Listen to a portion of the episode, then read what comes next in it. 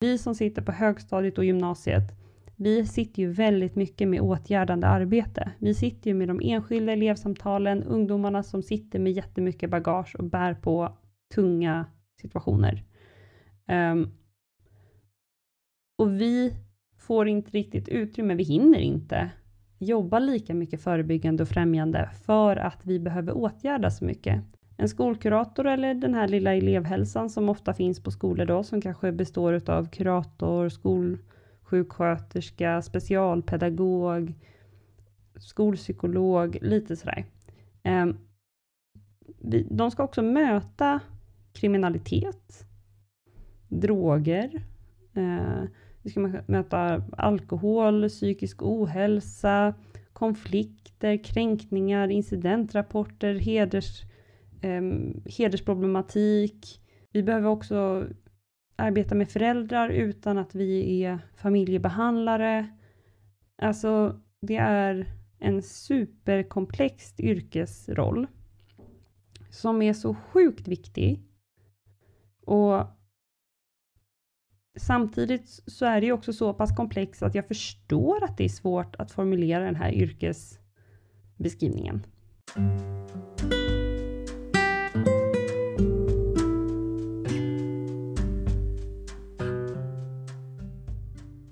Varmt välkomna till ett nytt avsnitt av poddterapeuten och lördagsfika med Malin och Erika.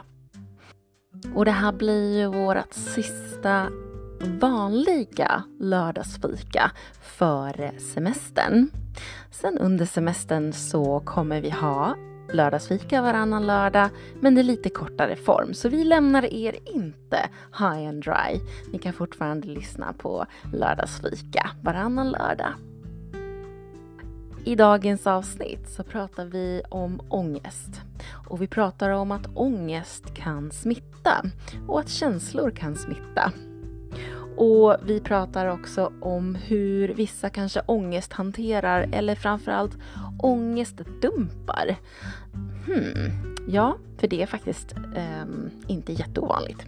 Men det vi fokuserar på i dagens avsnitt är skolkuratoryrket.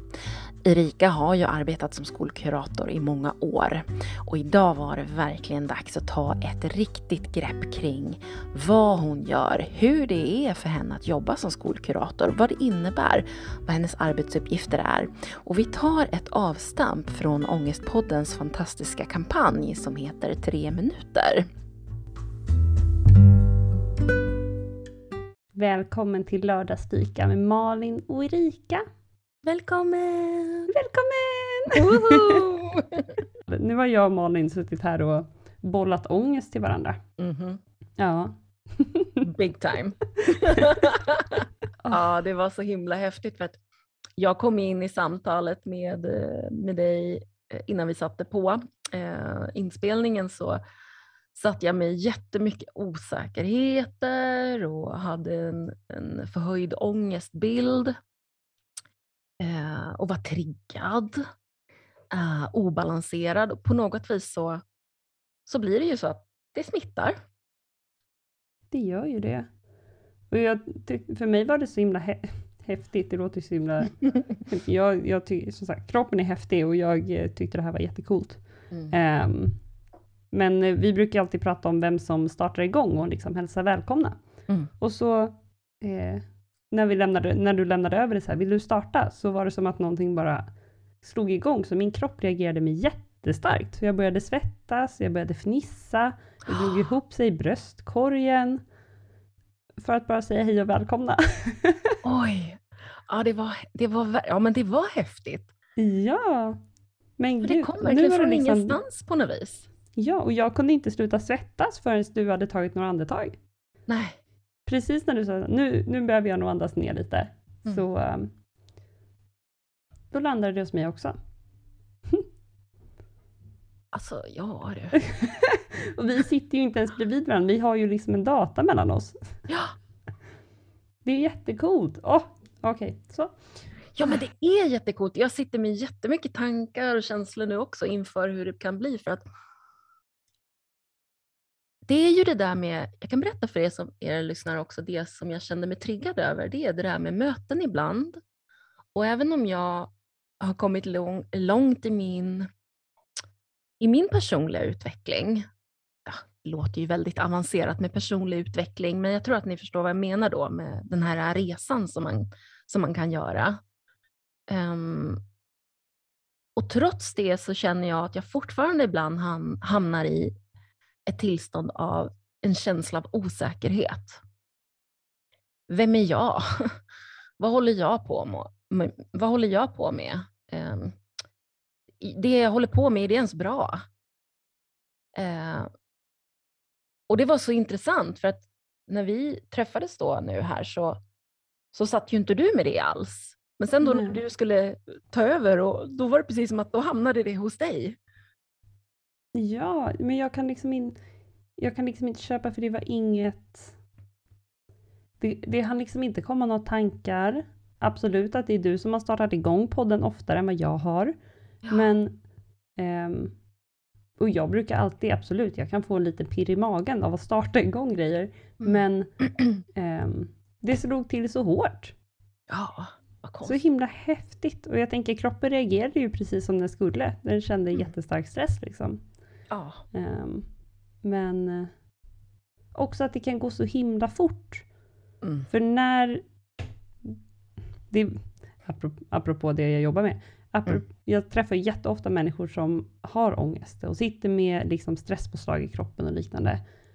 Och hela den här upplevelsen av att det går så himla fort. Det tog en sekund ja. så var liksom hela systemet igång. Och sen ett par andetag och så hade det lugnat ner sig. Det är, det är jättehäftigt. Ja men det är häftigt, men det som är fantastiskt med dig, det är att jag tror att det är väldigt vanligt att man, när man hamnar i det där stresspåslaget, äh, ångestpåslaget och den här osäkerheten som kanske kom in då, um, då är det jättevanligt att man sätter på autopilot och gör det ändå.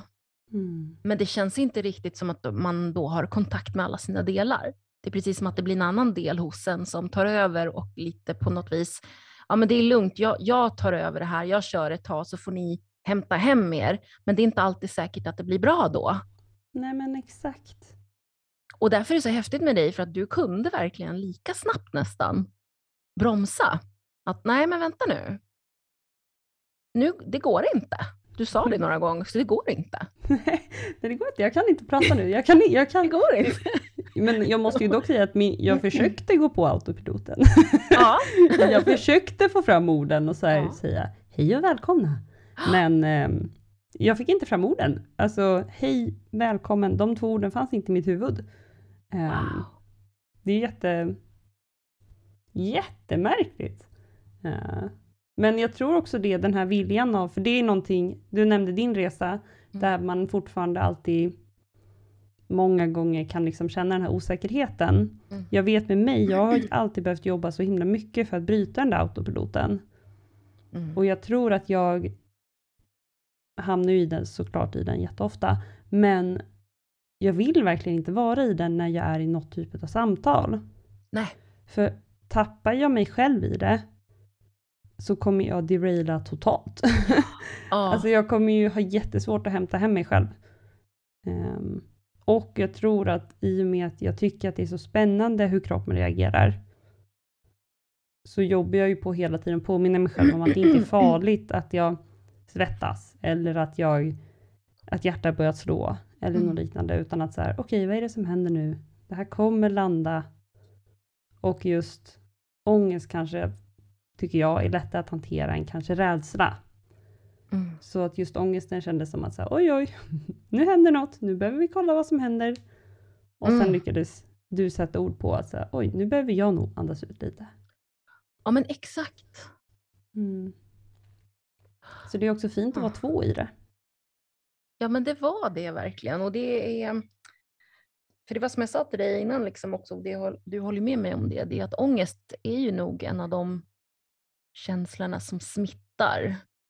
Um, och väldigt mycket. Japp. Ja. Och till och med så här online. Ja, det, det är ju det coolaste. ja. Men jag, kan, jag drar ju så här paralleller då direkt till så här, tänk att, att du och jag pratar kan, kan väcka så mycket i mig. Mm. Dra då det till så här, jag förstår verkligen varför människor dras till serier, till filmer, till Ah. tv-spel, Ja. till liksom allting, det, alltså till böcker och att man liksom kan läsa sig fram till en känsla. Att Aha. gud vad vi är, vi söker oss till det här andra och vi söker oss till de här upplevelserna för det ger oss ju också någonting. Mm. Kanske inte alltid asskönt.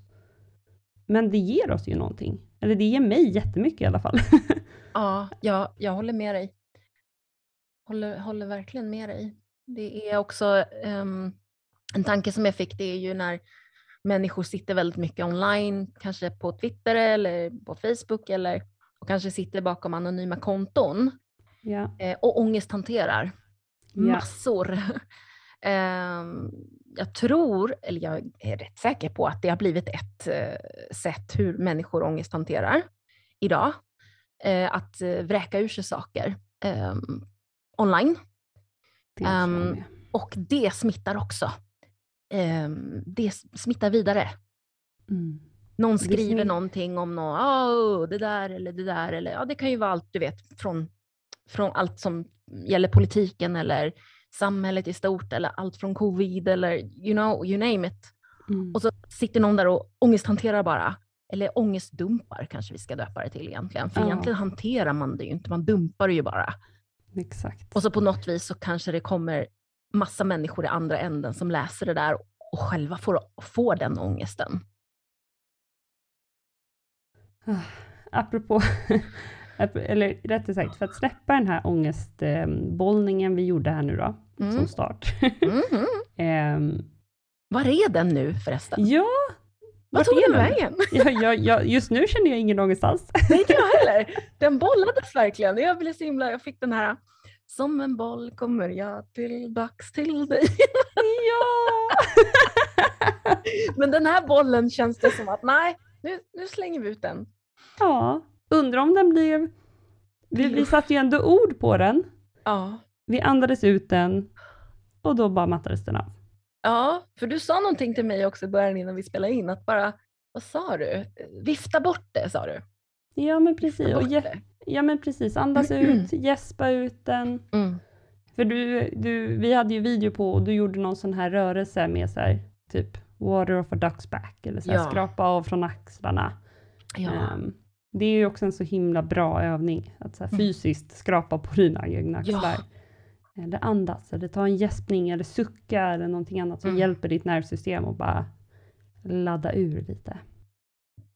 Och sen är det ehm, sen är det ju viktigt, du och jag brukar ju prata om det mycket, och det är att poängen är ju inte att man ska förtränga saker eller, eller ignorera Nej. saker. Eh, men just i det här fallet så var ju inte ångesten heller min. Jag hade ju burit med mig den, den var helt onödig. Det var Mm. liksom inte ens mina egna em, osäkerhetskänslor, utan det var en gammal triggande, ett gammalt triggande mönster som hade växt till liv, eller väckt, väckts till liv. Em, en sån här uh, inception som jag brukar kalla det. Em, Mm. och det kallar jag för inception, för det tycker jag verkligen det är som den här filmen. Att man får en idé som man tror är sin egen, men som egentligen är någon helt annans. Och en, en, ett exempel på det är till exempel om du har gått igenom under dina väldigt formbara år som, som barn och ungdom och du är i skolan till exempel och blir utsatt för mobbing. Mm. Då får ju du höra en sån här eh, idé eh, och uppleva den att du är dum, du är dum, du är dum, du är dum. Och det blir en sån om man inte ser upp som vuxen som sen man, man sen slår på sig själv. Du är dum, jag är dum, jag är dum, jag är dum, jag är dum. Ja men exakt. Ja, och det är en sån. För då brukar jag alltid tänka så här, vems röst är det här nu? Är det verkligen jag själv som tycker att jag är dum? Eller är det här nu någonting som jag fortfarande inte helt har rensat bort från, från mig och min, min hjärna? Jag tror att den övningen är så himla himla bra. Ja. eller övning och övning, det är ju inte ens en hel övning, man kan göra det hela tiden. Men att när man liksom är normal i någon tanke, vad det än är, liksom en sån här, jag är så här. en sån. Jag är pip. Ehm, att faktiskt stanna upp och speciellt kanske om någon annan säger åt en. Men var kommer den där rösten ifrån? Vem, vems röst är det? Det är så himla häftigt. Och om man inte har testat det någon gång, så gör det nu. Gör det nu. Den stund som vi börjar eh, tänka så, att jag är värdelös och det är ingen idé att jag kämpar mot. Tänk då på att det är inte dina tankar. Det är någon annan som har tänkt så om dig. Som har kanske till och med berättat det för dig eller visat det för dig under din uppväxt.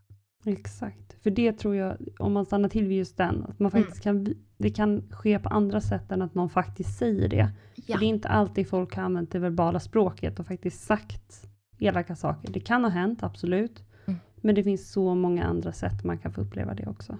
Ja. Och till exempel i skolan när man känner att man inte får vara med. Mm. Man är utfryst inom situationstecken. Ja, Du är inte lika, du är inte lika mycket delaktig. Du får inte vara delaktig i, i sammanhangen på samma sätt som de andra. Det här blir en sån där inception som man sen kan bära med sig. Det behöver inte vara så, men man kan va- göra sig själv uppmärksam på att det kan vara så.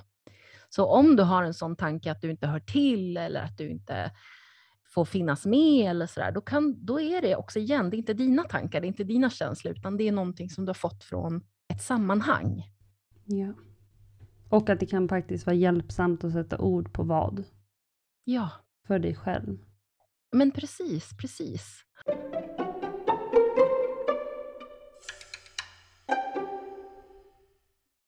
Och här kommer ju du in. Som, Japp, som eh, verkligen en kugge i, i det här hjulet. Att hjälpa ungdomar i skolan. Ja. Berätta. Ja. ja, nu gör jag ju inte det jättelänge till, men Mm. jag jobbar ju som skolkurator. Ja. Och du och jag hann ju faktiskt prata lite innan om att vi ändå ville gå mot det hållet och prata lite om skolkuratorsyrket idag. Mm. Ehm, bland annat utifrån den här kampanjen nu, tre minuter, Mm. som, visst var det Ångestpodden? Ja. Ja, som har pratat väldigt mycket om. Och de har, eh, summa summarum, deras kampanj går ut på att man vill sänka maxantalet elever som varje kurator har hand om.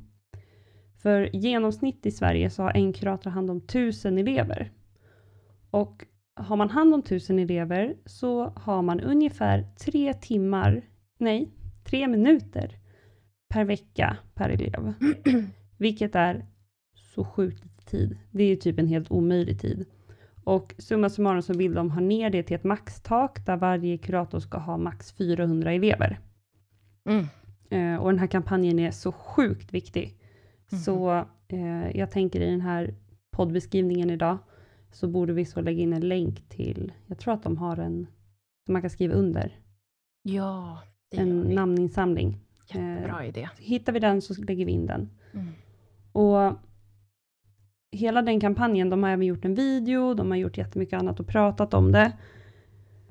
Eh, Jag har ju också sett den, du hade sett den och vi ville ta avstamp från det. Ja. Ehm, och när det kommer till det här med mobbning och utfrysning så är ju verkligen en kurator en jätteviktig samlingspunkt. Inte för att en kurator kan trolla bort några känslor eller ta bort att det blir jobbigt. Men det är en extra vuxen som faktiskt bara ska ha fokus på ungdomarnas mående. Mm. Och problematiken som också lyfts i den här kampanjen, det är ju att vi inte har tillräckligt med tid Mm. att faktiskt se de här ungdomarna. För vi alla vet ju att det är inte superlätt att vända sig till någon och prata. Mm. Och det här är också en person som är på din skola, vilket kanske är platsen där du blir utsatt. Mm, just det. Det är också en vuxen som du kanske inte känner jättebra, Mm. som kanske har haft rätt mycket att göra, så den sitter på sitt rum. Så du måste aktivt gå dit, Mm. till det här rummet som alla kan se att du går in i. Just det. Det finns så många hinder Mm. för att prata med en kurator. Men det är också en av de största möjligheterna du kan ha på din skola. Mm. Och det är också jätteviktigt att det finns. Och problemet är ju också då många gånger att antingen så har kuratorn alldeles för många elever, eller så är kuratorn där alldeles för lite. Mm. Så det kanske inte ens är en person du ens ser i typ matsalen. Och som kurator så är det ju så fantastiskt. Alltså man har ju en sån fast, fantastisk möjlighet att få finnas där och få vara där för eleverna. Mm. Och få ge tid till varje elev. Och nu har jag ju haft en liten annan arbetssituation, för jag har jobbat på en lite mindre skola. Ja. Eh, Så jag har haft hand om ungefär 50 elever, för vi var två kuratorer Mm. hos oss. Eh, Så vi har 100 elever och vi fördelade dem ungefär 50-50. Mm. Och så jag vet ju verkligen om att jag har ju haft väldigt mycket mer möjlighet att faktiskt möta mina elever. Ja, 50 Och är så- ju en jäkla skillnad mot 1000. Eh, ja, det är det. Men då Och- är det ju inte alla 50 som kommer till dig. Exakt. Ja. Eh, och jag tror, men samtidigt tror jag att just på den skolan där jag är, den skolan är också inriktad för att möta ungdomar som kanske tidigare haft skolproblematik Mm. eller har andra svårigheter, som kan ha haft skolmisslyckande bakom sig, eller så har de flesta varit med om just mobbning ja. och varit utsatta på olika sätt. Så många av dem vill faktiskt ha kontakt med en kurator. Mm. Så inte alla, men eh, jag kanske hade, hade regelbunden kontakt med 20-25 elever. Mm. Och det är fortfarande väldigt många, men det Oh ja. är ju ändå fantastiskt mycket mer tid än tre minuter i veckan. Hur har det gått till när de har kommit till dig? Sitter du på rummet som en präst i sin lilla eh, avdelning och sen så mm, kom in mitt barn. Pax vobiscum. Eller är det att de får boka tid? Eller hur har det funkat? Vi har nu gjort på varenda sätt som går. ja. Ehm, Det är allt från att det är mentorn som hör av sig. Det är allt från att det kommer upp via någonting som heter våra elevhälsomöten. ehm, Där det kanske är någon problematik för någon elev som lyfts och sen så erbjuds de en tid med kuratorn. Det kan även vara att ungdomen själv söker upp. Ehm, Jag har ju också en Youtube-kanal och en Instagram där många av mina elever har hittat mig. Så där har de kunnat liksom se och få lära känna mig lite på ett annat sätt. Och då har de då blivit intresserade av att, ja men, hon verkar ju ha vettiga saker att säga, jag går dit. Um, eller så har det varit att någonting har hänt, de är ledsna och jag har lyckats, ja, antingen att någon lärare har hört av sig och sagt att du, gå ut i korridoren, det är någon där. Eller att jag själv har varit runt och strosat runt. Ehm, jag försöker, har också försökt vara ute i korridorerna och faktiskt typ spela spel, prata, sitta tillsammans med mina kollegor, sitta med eleverna och bara synas. Och vi äter ju alltid lunch tillsammans med våra elever. Så att synas, synas, synas på så många sätt det bara går för att faktiskt skapa en lite lättare väg in. Komma ut i klassen också. Mm. Ja, för du sa det till mig innan att, eh, eller vi pratade förut om att jag, när jag ska skapa återhämtning, eh, så brukar jag måla såna här mandala-böcker, eller vad man ska Mm. kalla dem. De, eh, målarböcker för vuxna inom situationstecken. Ja, och du, då sa du att det där är någonting som jag, som jag brukar göra med mina kids, just det i korridoren för att skapa kontakt. ja, men precis. Ja. Så Mm. det, det jag gör mest i korridorerna måste jag säga är att vi spelar kort. Mm. Vi spelar Uno eller vi pysslar. Ah, Ehm, och det lättaste vägen in till vem, vilken ungdom som helst, det är ju att spela kort oftast. Mm. Men ehm, alla vill ju inte göra det. Och vi är många, vi har jättefina så mandala-böcker Mm. på vår skola, så då brukar de kunna få bläddra runt i de så kopierar vi upp några stycken så kan vi sitta tillsammans eller så får de sitta själva. Ehm, men det är ett så himla fint sätt att bara vara. För Mm. det, man behöver inte alltid snacka. Ibland behöver man bara någon som sitter nära. Mm. Eller att få skratta tillsammans och ansluta någon mer ungdom eller n- något annat. Så bara är vi i miljön tillsammans. åh, Det, ehm, så bra.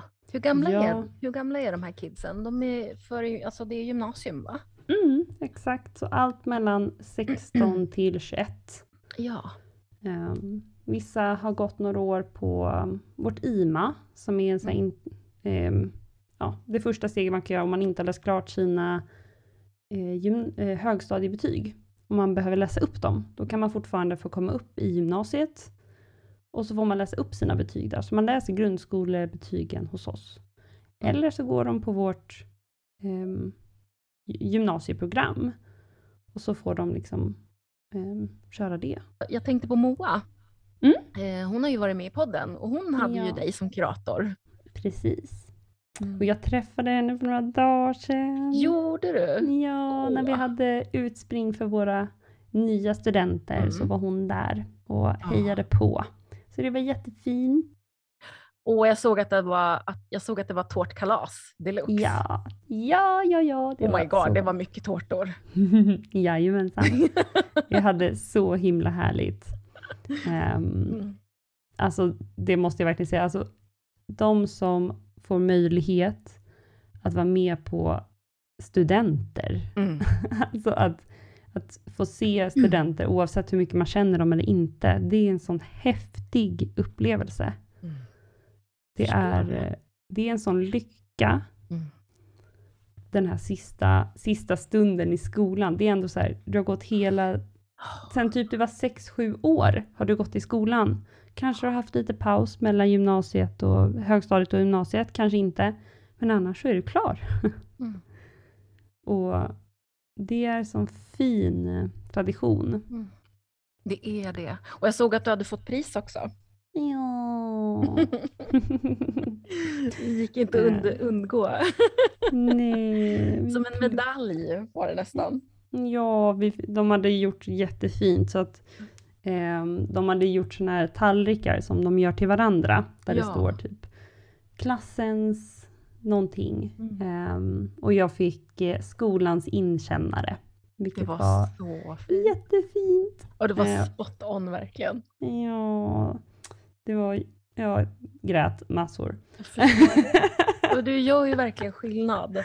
Ja. Ehm, och eh, även om du ska gå till en ny arbetsplats nu så, så är jag helt säker på att du kommer göra precis lika stor skillnad där. Jag hoppas det. Mm. Oavsett så, ja, jag kommer ju sakna de här ungdomarna så himla mycket. Förstår det. Gud alltså. Men, och det är det jag tänker också på det här med, säger att du har fem, ansvar för 50 och sen är det kanske 20 som, nej du har ansvar för 50 och så kanske det är 20 som kommer, sa du det? Ja, Ja, och då, och då igen, då hinner ju du och du kan bygga upp den här tilliten. ja. Men Man hur gör man det på till. tusen? Det, det är ju, nu är, ju- är det ju inte Ja. tusen som kommer, men ändå, eh, det, det är fler. eh, så hur, hur, hur är det tänkt här på något vis? Det Det, un, det, alltså det, summa summarum, det undrar verkligen jag med hur det är Ja. tänkt. Jag vet inte om det är tänkt nej. så himla mycket, utan att det har blivit lagstadgat att du ska finnas en kurator. Mm. Du, alltså varje skola ska ha tillgång till en kurator. Mm. Men jag tror att man kanske har missat hur man bygger relation, Ja. um, vad kuratorn kan vara till för. Och för en kurators roll på något sätt, är, det handlar ju inte om att behandla ohälsa, utan att vi ska röja vägen för att du ska klara dina skolmål. Mm. Så att skolkuratorns uppgift är ju att hjälpa eleverna nå sina skolmål. Ja. Fast vi har lite mer fokus på det psykosociala. Mm. Och jag har ju flera, eller jag har jättemånga bekanta som jobbar på olika skolor. Men det är ju, det enda jag egentligen får höra från dem, det är ju att så här, jag skulle behöva mer tid. Jag skulle behöva mer tid. Jag skulle behöva flera kuratorskollegor. Mm. Ehm, och på något sätt så tror jag också att, att det finns ett stort bekymmer med att det inte riktigt finns en um, yrkesbeskrivning för en kurator. Så varje kurator behöver också liksom utveckla sitt eget. Mm. Ehm, Det är intressant. det är Ingen jätteintressant. yrkesbeskrivning. Det var ju, och det här är första gången jag hör dig också, eller hör någon säga just vad är poängen med en kurator? Eh, just det här med skolmålen. Ehm, och, och det är satt, men inte sen, men sen då inte en beskrivning på vad, hur ska du jobba? Precis. får du hitta det på står- själv då? Ja, men lite grann, för det står vi ska jobba åtgärdande, vi ska jobba förebyggande och främjande. Så att vi ska täcka hela tallriksmodellen, tänkte jag säga. Ehm, så vi ska både jobba, jobba med det som uppstår, typ konflikter och kränkningar och sånt. Ehm, och det känns ju så här, självklart, det är ju jättelogiskt. Samtidigt så ska vi jobba mot att förebygga att konflikter och sånt uppstår. Också jättelogiskt. Och sen ska vi också förebygga, så vi ska också skapa en miljö för de här ungdomarna att må bra i. Och det här blir också då, och varje del av de här tre så ska du också jobba på individnivå, gruppnivå och organisationsnivå. Oj, hjälp, vilket, vilken grej! ja, med tusen ungdomar. Um, Men herregud. Exakt. Och det är därför vi heller inte riktigt kan få en arbetsbeskrivning. För att det är också så olika beroende på vilka ungdomar som är där, mm. vad det är för situationer som uppstår, vilka kollegor du kan samverka med, hur samverkan ser ut med andra instanser i samhället. Mm. Det beror också på vilken utbildning du som kurator har. För det du behöver är ju en socionomexamen. Yeah. Så att du har egent, alltså du behöver inte ha en samtalsterapiutbildning, men självklart är ju det hjälpsamt. Men du har heller inte riktigt den kunskapen, tänker jag många gånger, om hur man jobbar på de här nivåerna, för det finns ingen skolkuratorsutbildning. Men det är ju jättekonstigt. Det finns en ja. yrkestitel som är kurator, men det finns ingen egentligen utbildning som uppfyller de här grundkraven på. Och, och det här gör mig jag sitter och blir lite upprörd faktiskt. För att jag trodde inte det var så här illa. Nu är jag, jag är så tacksam, om ni lyssnar, ni på Ångestpodden, alltså, jag är så tacksam att ni lyfte upp det här. För att mm. jag, jag, blir faktiskt jättearg. Ja. För att jag tänker ja. så här, eh, du och jag vi jobbar ju med samtal. Mm. Och då jobbar ju vi med samtal som verktyg, som samtalsterapeuter. Och det är inte bara bara. Nej, det är inte bara nej. att du sätter dig och pratar. Det är liksom, snacka kan alla. Ja. Men, men om du ska använda samtal som verktyg, då behöver du ju veta de här verktygen. Och snacka om att man använder samtal som verktyg som skolkurator, eller borde göra det i alla fall. Ja. Och så har du inte den utbildningen. Nej. Och That's samtidigt så ska du, ja, och du ska också jobba med all, alltså det finns ju, skolan som organisation är ju så himla speciell. Mm. För du har också alla typer av människor blandade på ett ställe. Mm. En skolkurator eller den här lilla elevhälsan som ofta finns på skolor då, som kanske består av kurator, skol sjuksköterska, specialpedagog, skolpsykolog, lite sådär.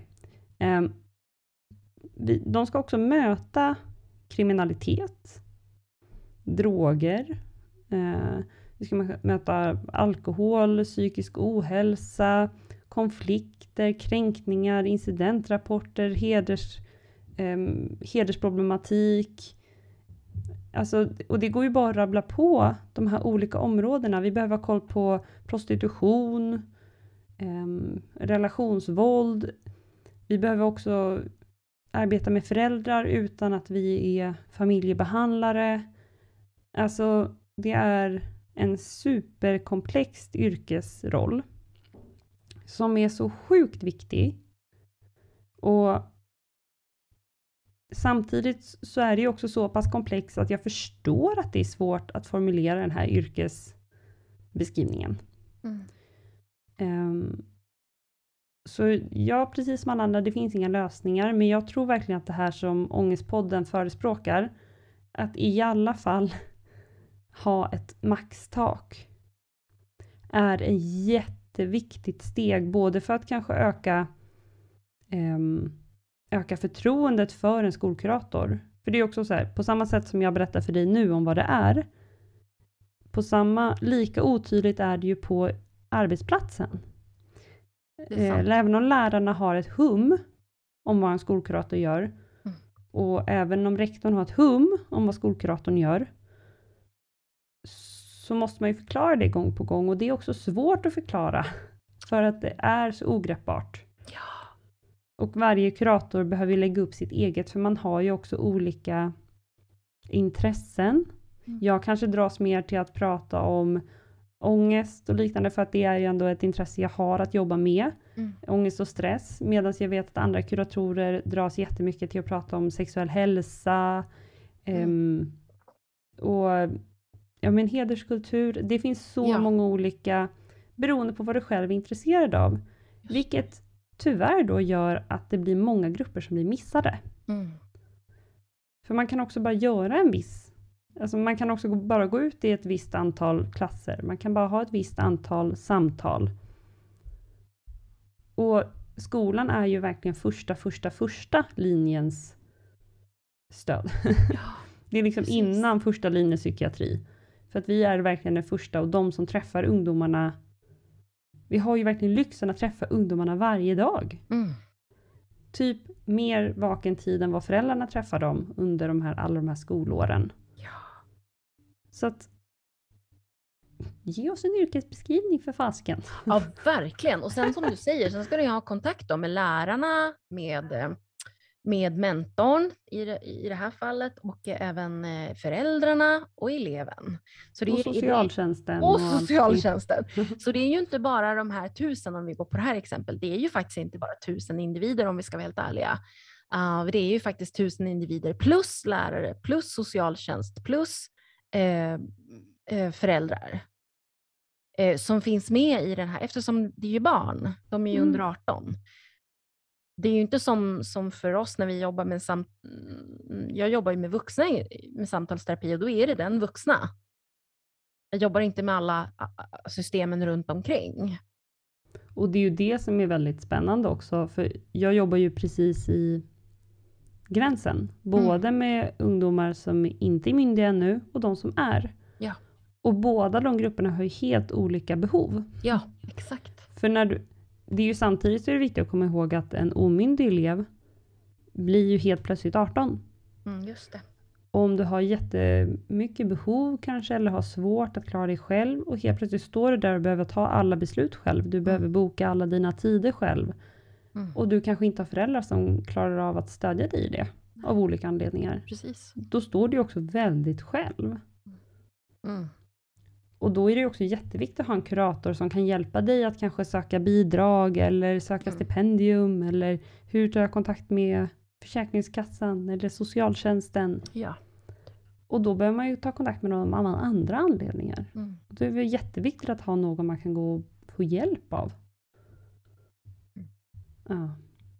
Det är ett fantastiskt roligt jobb och jättegivande. Mm. Men det finns så mycket brister i det just nu som vi också bara behöver möta. Mm. Ehm, Prata om.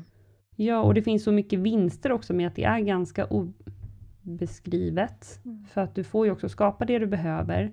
Men problemet blir att vi alla behöver ju uppfinna hjulet gång på gång. Ja, Och det är blir ju inte lika evidensbaserat.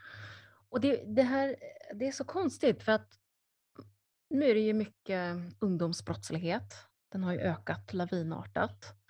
Och det enda politikerna står och verkligen pratar om gång på gång på gång på gång, gång på gång, det är ju att vi ska satsa på förebyggande åtgärder, mera förebyggande åtgärder. Vi ska titta på skolan, vi ska... Och så ly- lyfter de inte ens upp det här med att vi har ju en resurs på skolan. Vi skulle kunna ha mer.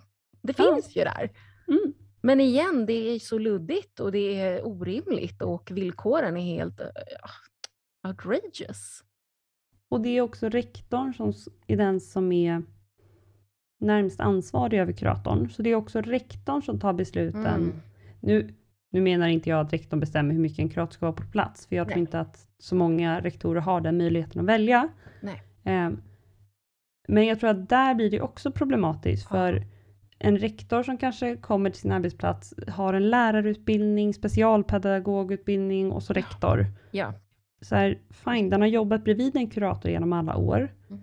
Men jag som utbildad socionom som ändå har gått stegen för att bli kurator, jag vet ju vad det är för yrke jag väljer. Mm. Men en rektor får ju kanske inte heller en jättestor utbildning i vad är en kurator. Varför är det viktigt att ha en kurator och hur kan jag ge den tillräckligt mycket autonomi för att kunna göra ett bra jobb? Mm. Samtidigt styra vad vill jag ha ut av en kurator på min skola? Just det, även här är det en luddighet. Exakt, och det finns ju en beskrivning och en rektor behöver göra en beskrivning i sin elevhälsoplan för varje år. Men det blir ofta så pass luddigt och där krävs det också så här, det behöver vara en kurator som är väldigt driven. Det behöver vara en rektor som tror på sin kurator och som i sig tycker att det är viktigt. Ja, det blir många steg där det kan bli fel.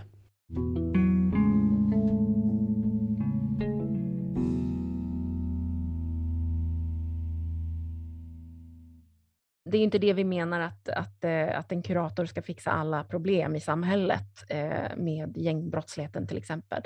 Men däremot så är ju det ett jätteviktigt verktyg.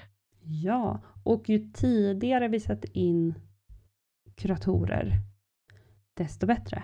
Ja. För jag tänker också att vi har ju det från och med att man går i ettan. Um, sen du är 6-7 år.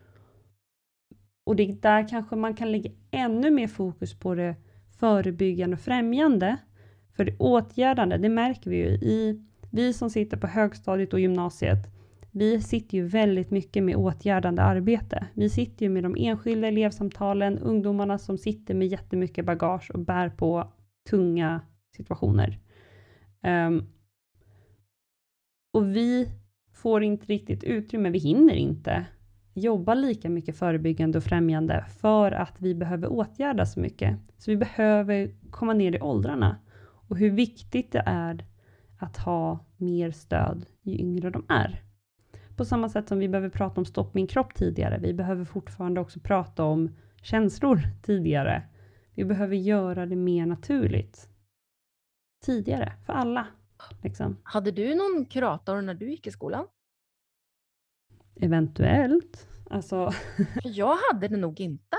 nej, jag vet att vi hade en kurator varannan torsdag mellan klockan, ja, på eftermiddagen Ja. när jag gick i gymnasiet. Men henne vet jag inte hur hon såg ut. Jag vet inte i och för sig om det var en kvinna eller man. Ja, jag kommer inte Ehm. ihåg om vi hade någon alls. Vi hade en Nej. skolsköterska kommer jag ihåg. Men där blir problematiken också att där får ju många skol, skolsjuksköterskor ta mycket av kuratorns jobb. Just För att du har en kurator på procent liksom. 20-40 procent. Men skolsjuksköterskan är där heltid och då är det ju skolsjuksköterskan som hamnar där med de här samtalen som kanske egentligen inte är där de ska hamna. Så ja. Men det är ju det, vi behöver ju hela de här teamen tillsammans. Eh, Så jag hoppas verkligen att det här går igenom med det här maxtaket för våra ungdomars skull. Det här är ju också de generationer som ska styra vårt land och ta hand om vårt land och ta hand om sig själva och ska kunna möta en verklighet och vuxet liv. Men om du fick välja, Ja. om du fick önska, hur skulle du vilja att det var för kuratorn och dess, dess arbetsuppgifter om man säger så? In the bästa, bästa worlds.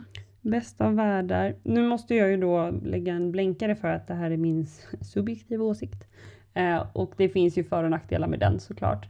För kuratorns skull så behöver vi ha ett tydligt elevhälsoteam med personal som jobbar heltid. Vi behöver en kurator på heltid. Vi behöver en SYV, alltså studie och yrkesvägledare på heltid, skolsjuksköterska, skolpsykolog. Vi behöver ha hela raddan utav professioner som behövs som ska finnas där enligt lag. Vi behöver vara det här teamet runt om våra ungdomar. Och jag vet att jag som har uppskattat jättemycket att ha en kuratorskollega. Det har varit jätteviktigt för det, alla ungdomar vill inte gå till mig.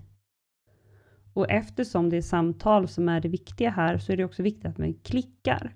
Och finns det två är chansen mycket större att vi kan möta dem. Så att även om det kanske inte finns en kur... Jag skulle hellre vara två kuratorer på deltid än en kurator på heltid. Ja. Ehm, det hade jag tagit alla dagar i veckan. För där tror jag verkligen att man kan möta upp så många fler ungdomar. Man kan gå ut och jobba i klasser på ett helt annat sätt. Um, Och jag tror att hade det funnits ett maxtak, problemet med maxtak, som jag tror också är anledningen till att det inte har funnits ett maxtak tidigare, det är ju för att man också kommer maxa det. Um, I dagsläget hade jag ju väldigt få ungdomar under mina vingar liksom. Och hade det funnits ett maxtak så tänker jag att det maxtaket hade jag tror inte jag hade fått ha så få ungdomar, utan att jag då hade behövt vara anställd på, vad blir det, 40 procent. Um, och där hade jag heller inte räckt till. där blir problematiken. Så öka tiden personalen finns på plats. Absolut sätta ett maxtak, för vi kan heller inte ha för många ungdomar. Och också se till att kuratorn inte bara kan vara en brandsläckare. Mm, vi kan inte bara jobba med det åtgärdande arbetet. Vi måste prioritera tiden för förebyggande och främjande arbete och för att kunna göra det så behöver också resten av personalen som är på skolan ha möjlighet att möta konflikter. Det är inte bara en kurator som kan vara den som möter en konflikt. Um, där tror jag är några viktiga punkter i alla fall för att kunna ha arbetet. Också ha ett eget arbetsrum. Det är inte alla kuratorer som har det. Man delar med andra. Det finns skolor som tycker att skolkurator ska dela arbetstelefon med andra. Det funkar inte. Um, det finns så många delar. Du behöver också kunna ha um, vad heter det? Du behöver också ha rätt till handledning. Prio, prio, prio för att faktiskt kunna utveckla det du gör. Ja, just det. Och också något, även om det kanske inte finns ett um, man kanske inte kan komma till att det finns en jättetydlig arbetsbeskrivning, men då är det ännu viktigare att det finns handledning eller typer av kuratorsgrupper mm. för att kuratorerna i samma län eller liknande fortfarande ska ha mer utbyte av varandra. Ja. Det tror jag är några viktiga punkter. Ja, det är så bra. Och rent spontant när du säger säger det där, så skulle det också förebygga psykisk ohälsa. Eh, det, det tror jag verkligen. Och det skulle avlasta ungdomspsykiatrin mm. om det här skulle funka bättre. Om man skulle ta tillvara på det här på ett helt annat sätt än vad man gör idag. Ja, ja men verkligen. Ah, men nu har du ju bara fått sitta här och lyssna på ja, underbart. mitt babbel om skolan. Och nej, det var inga, alltså det har varit så spännande och jag är nästan lite arg på mig själv för att jag inte har frågat tidigare. Um, för du besitter en sån fantastisk kunskap kring det här. Och, men det krävdes att jag, att jag såg den här kampanjen för att det skulle komma in i mitt, i mitt medvetande. För att jag tror att det är det, för att hade vi pratat om det vid ett annat tillfälle så tror jag inte heller att man hade pratat om det på samma sätt. För det Nej. finns så mycket med det här yrket som jag älskar. Mm, så jag hade nog inte lyft det utifrån problematiken Nej. heller. Nej. För det är ett askul jobb. för att man inte är så styrd. Det. Och för att jag har haft lyxen att vara på en arbetsplats där jag inte har haft jättemånga ungdomar. Mm. Så för mig har det här heller inte varit så pass mycket i in my face på något sätt. Nej. För att Nej, jag har inte stått där och haft tusen ungdomar som jag Nej. har ansvar över. Nej, exakt. Exakt. Mm. Så jag hoppas verkligen att den här kampanjen går ut och att fler personer ser den. Så ja. att den faktiskt får den spridningen mm. som vi önskar. Mm. Mm. Jätte, jätte, jättebra. För jag menar, vi, det är ju val snart. Ja. Um, och det här är verkligen någonting som, som ska lyftas upp. Um, och eh, jag har tagit in det och jag förstår det. Men jag tror också att jag ska vara lite snäll mot mig själv. Jag menar, jag har inga egna barn. Jag har inga barn som går i skolan. Um, och det var väldigt länge sedan jag gick i skolan. uh, så för mig så, och jag jobbar ju bara med vuxna. Uh, så i min lilla värld då, så har jag inte ens tänkt på det här. Men däremot så ser jag med stigande fasa hur fruktansvärt det är för dagens ungdomar idag ja. i samhället. Ja, det säger jag med en fas och eftertryck. Jag vill, alltså det, är, det gör mig skräckslagen över hur de har det. Mm. och, det, och nu säger jag inte att det är skolans fel eller att det, det, inte finns en kurator i tillräckligt stor utsträckning, utan generellt hur, hur, hur det är idag för, för våra ungdomar. Och det ja, samhälle som vi skapat till dem. Ja, ja hundra gånger om. Mm. Jag tänker att det är så mycket större än de enskilda individerna. Oh, ja. Det handlar liksom inte om den enskilda kuratorn eller rektorn eller vem det nu än är, utan det är ju det systematiska felet mm. i den organisation vi har byggt upp. Liksom. Systemfel. Och um, när Malin och jag pratade um, förra avsnittet om stress, då, då berättade hon så bra om att man skulle kunna se oss som blommor. Ja. Att vi är så olika. En är en kaktus, någon är en orkidé, någon är en, en eh, lökplanta. Eh, och om man då skulle sätta alla de här på samma ställe, ge samma mängd vatten, då är det några som kommer falla ifrån och dö. Mm. Och nu menar jag inte att det var så dramatiskt, med att, men vi människor är ju eh, satta i samma klassrum ja. som barn och ungdomar. Och den här klassrummen, det här klassrummet passar inte alla plantor. Just den här jorden passar inte alla plantor. Och det är det jag ser framför mig att en kurator kan plocka upp. Jag tror det också. Och jag tror på något sätt möjligheten som kurator att få vara ungdomarnas språkrör. Mm. Det tror jag är en av de viktigaste uppgifterna en kurator kan ha. Mm. Att vara den vuxna som på något sätt är där för att vara på deras sida. Ja. Nu menar inte jag att lärarna inte är där för att vara på deras sida, utan Nej. bara att skolplanen och skollagen har sina aspekter. Men ja. mitt jobb är ju att lyssna på dem. Ja, men precis. Och jag menar, en lärares jobb är väl, sist jag kollade i alla fall, fortfarande att lära barn, barnen saker. Nej. Ja, jag tror i dagsläget så är det ju de som behöver ta det mesta. Ja. För att kuratorn inte har möjlighet. De hinner inte. För att de har alla de här ungdomarna de behöver möta. Så då är det lärare som står där som heller inte har fått information eller kunskap eller utbildning för hur man ska möta det på bästa sätt. Betyder inte att de inte är bra på att göra det, utan att vi inte har tydlig evidens för hur vi ska göra det. Precis.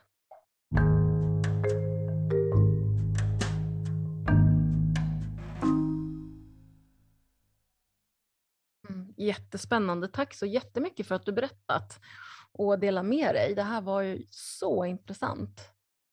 Tack själv. Det var jätte... Man dra... Jag dras med. Ja, men jag förstår det. Och, och eh, ja, det är jätte, jätte, jätteinspirerande och fint. För det handlar igen om samtal. Ja. Och relationer. Ja, precis. Så här handlar det ju verkligen om att bygga tillit. Här spelar det roll vem du får träffa. Um, och, nu säger, och jag tror säkert att uh, alla kuratorer är bra. Det är inte det jag säger att, de, att de är då, vissa är dåliga och vissa är bra. Men man jobbar nu utifrån det du berättar på olika sätt kanske. Mm. Eh, man har olika in, infallsvinklar och utgångspunkter och olika riktningar i hur man arbetar. Och sen har vi det här med personkemin. Mm. Och det är så otroligt komplicerat, så jag förstår ja. hur du menar med att det ska helst finnas två. För att igen, kanske inte funkar. Man kanske inte kan få tillit från, från alla. Nej men exakt, och jag tror också att det finns en vinst med att man kanske inte får välja helt fritt. Mm. Det kanske inte är ett rimligt sätt att tänka. Nej. Men är det så att, för jag vet både åt mitt håll och åt min kollegas håll, så har det varit ungdomar som har kommit, som har gått och pratat med mig ett tag och känner såhär, nej men gud, den här personen vill jag inte fortsätta prata med. Och då har de, liksom, om de har fått fram det till mig eller min kollega, så har vi kunnat prata om så här, jo men testa och se om det går. Då kan vi byta över. Ja. Men hade det varit jag själv där och ungdomen hade landat i att, nej men jag vill inte prata med den här personen. Mm. Då hade den ju antagligen inte tagit någon annan att prata med alls. Nej. Nej, och det precis. blir ju jätteproblematiskt. Då är det ändå 50% större chans att de hittar någon annan. Ja men precis. Exakt. Så viktigt. För det handlar ju som, det handlar inte om mig som individ, det handlar inte om ungdomar som individ, för ibland går folk bara inte ihop. Nej. Det är, verk, det är verkligen så. För det handlar ja. om samtal. Igen, det ja, handlar om samtal. Det är inte, det är inte och vi är människor och se bara på, på oss hur, hur vi började det här samtalet med också att man påverkar varandra på Ja. olika sätt. Och eh, eh, det är viktigt att man, att man då hittar rätt. Mm. Så jag brukar ju alltid säga att låt säga att du behöver eh, söka psykologhjälp eller terapihjälp eller söka dig till en kurator, du som lyssnar på det här. Och du kanske har gått en gång och det funkar inte. Ge det en till chans med någon annan. Ja, gud ja. Mm. Det är ju jätte, alltså testa dig fram. Testa dig fram, ja. Det är ju som vilken annan relation som helst. Kärleksrelationer eller vänskapsrelationer. Man Ja. klickar inte med alla. Nej. Och det finns inget hard feelings med att testa någon annan och Nej. speciellt inte hos professionella. Exakt.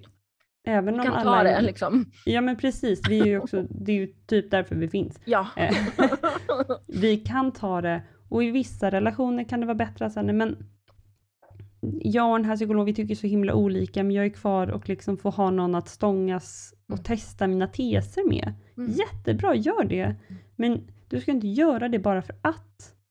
Känner du att så, nej, men jag känner inte att jag kan få tillit för den här personen. Testa en annan. ja, Testa en verkligen. annan. Och det, jag fattar att det är asjobbigt. Mm. Ja, det är det. För att man skitjobbigt måste öppna upp sig varje gång. Eh, Ja. Och man måste visa någon form av... Det krävs ju ett visst mått mod att våga Ja. göra det. Ja.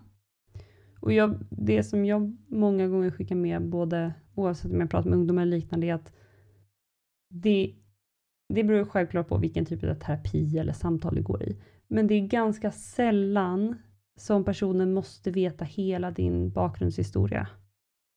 För att det är så många som säger, jag orkar inte berätta den här för 95 miljoner gången.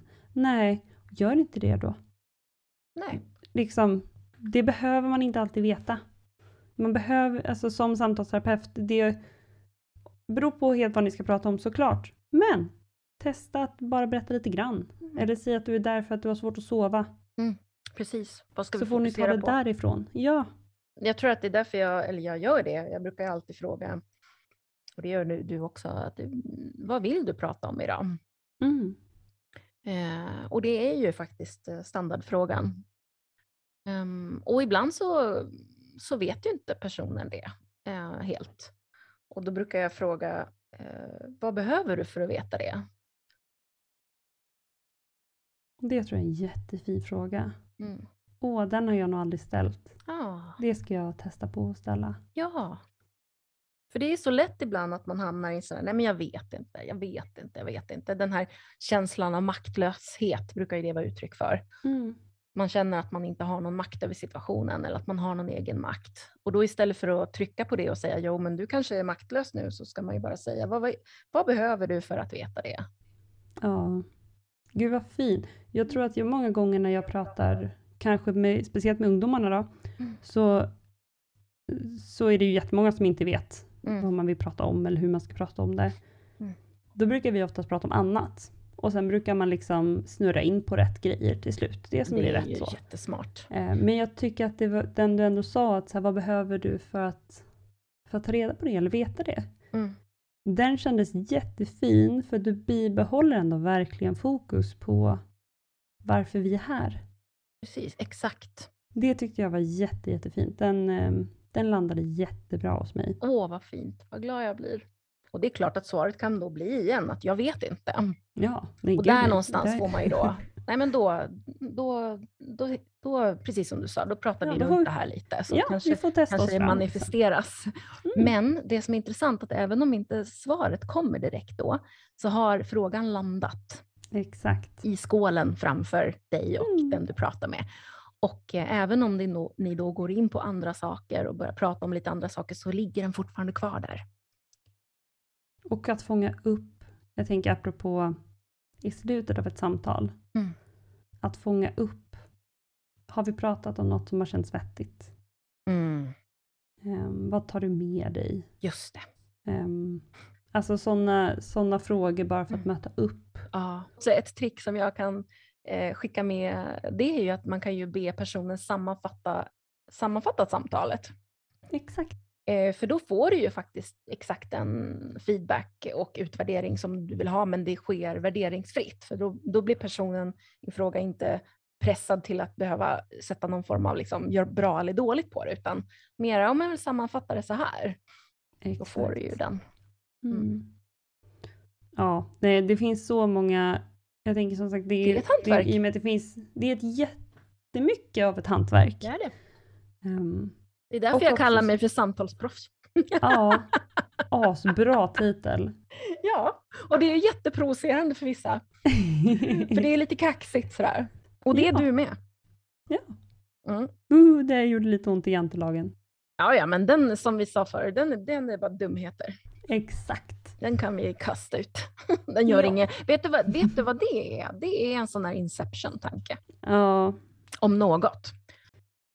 Jo, men kära lyssnare, eh, vi kommer fortsätta med lördagsfika över sommaren. Eh, vi kommer fortsätta sända eh, och släppa ett avsnitt varannan lördag. Men det kommer kanske vara lite kortare avsnitt eh, tills, vi, tills vi går igång igen efter, efter sommaren och då kommer det bli säsong sex som kickar igång. Du. Coolt! Och lördagsfika kommer att finnas i höst och eh, säsong sex också. Ja.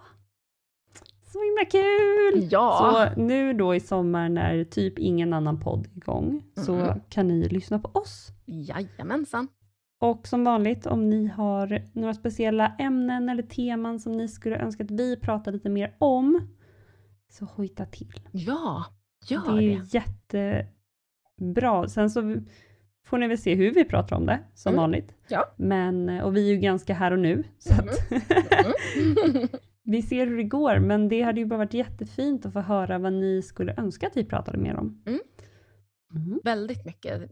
Eh, och eh, vi har ju faktiskt kvar en cliffhanger som har hängt med ända sedan våra första avsnitt. Och det är ju det där med personer som har påverkat oss i livet. Ja. Och varenda gång du och jag spelar in så tänker jag på det, så du ska veta att jag har inte släppt det. Perfekt ju, för ja. jag har ju redan rabblat mina. Ja. Så att um, jag skriver upp det på min egen mm. kom ihåg-lista här, bland annat där det står om glimmers. Ja, men då har vi glimmers och vi har det. Så vi har, vi har fortfarande saker. Mm. Det tar inte slut här inte. inte Sen vill jag verkligen också till eh, lyssnarna att gå också väldigt, väldigt gärna in och titta på de Youtube-filmer som Erika har spelat in. Jag länkar det i dagens beskrivning, för de, de här avsnitten är så himla bra. De, ham, de handlar om allting från narcissism till manipulation till PTSD och alltså det, det, du, du har verkligen eh, tagit ett helhetsgrepp på så många viktiga ämnen. Och det är så mm. värt att lyftas upp. Och det kan jag verkligen säga, det är jätte, mina teman när jag har gjort de här olika videorna. Just nu har jag 88 videos uppe. Wow! ja, shit.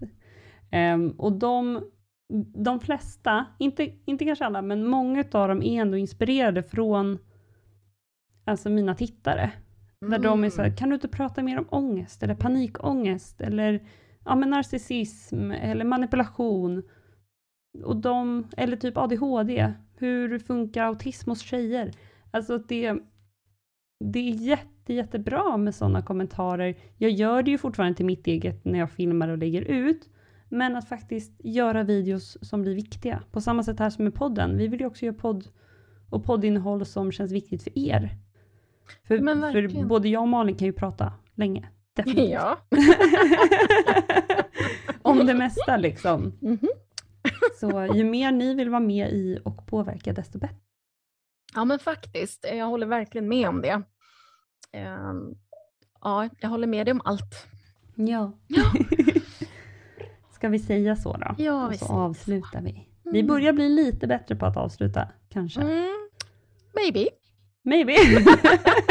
Debatable, but. ja, men tack så jättemycket för idag Malin. Det har varit jättefint att snacka. Tack själv snälla Erika. Fantastiskt härligt och tack för att du delar med dig av skolvärlden och kuratorvärlden. Det var så ovärderligt.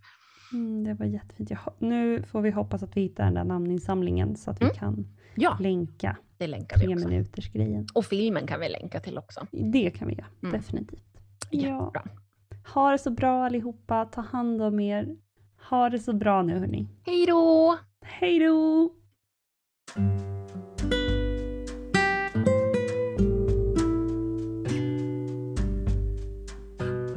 Och det där var allt för dagens avsnitt av poddterapeuten och lördagsfika med Malin och Erika. Stort tack Erika för att du delade med dig och berättade och för ytterligare ett härligt samtal. Och tack till dig som har lyssnat. Vad växer dig när du hör det här avsnittet? Skriv gärna. Och eh, dela avsnittet. Det vet ni att jag ber om varenda gång och det är ju så himla viktigt att du delar. För genom att du delar så växer podden och då kan fler ta del av det här innehållet. Ni kan kontakta poddterapeuten på poddterapeuten.gmail.com och även Erika och poddterapeuten på våra respektive Instagram. Erika på Landins terapi och poddterapeuten på poddterapeuten. Ta hand om er. Vi hörs snart igen hoppas jag. Hejdå!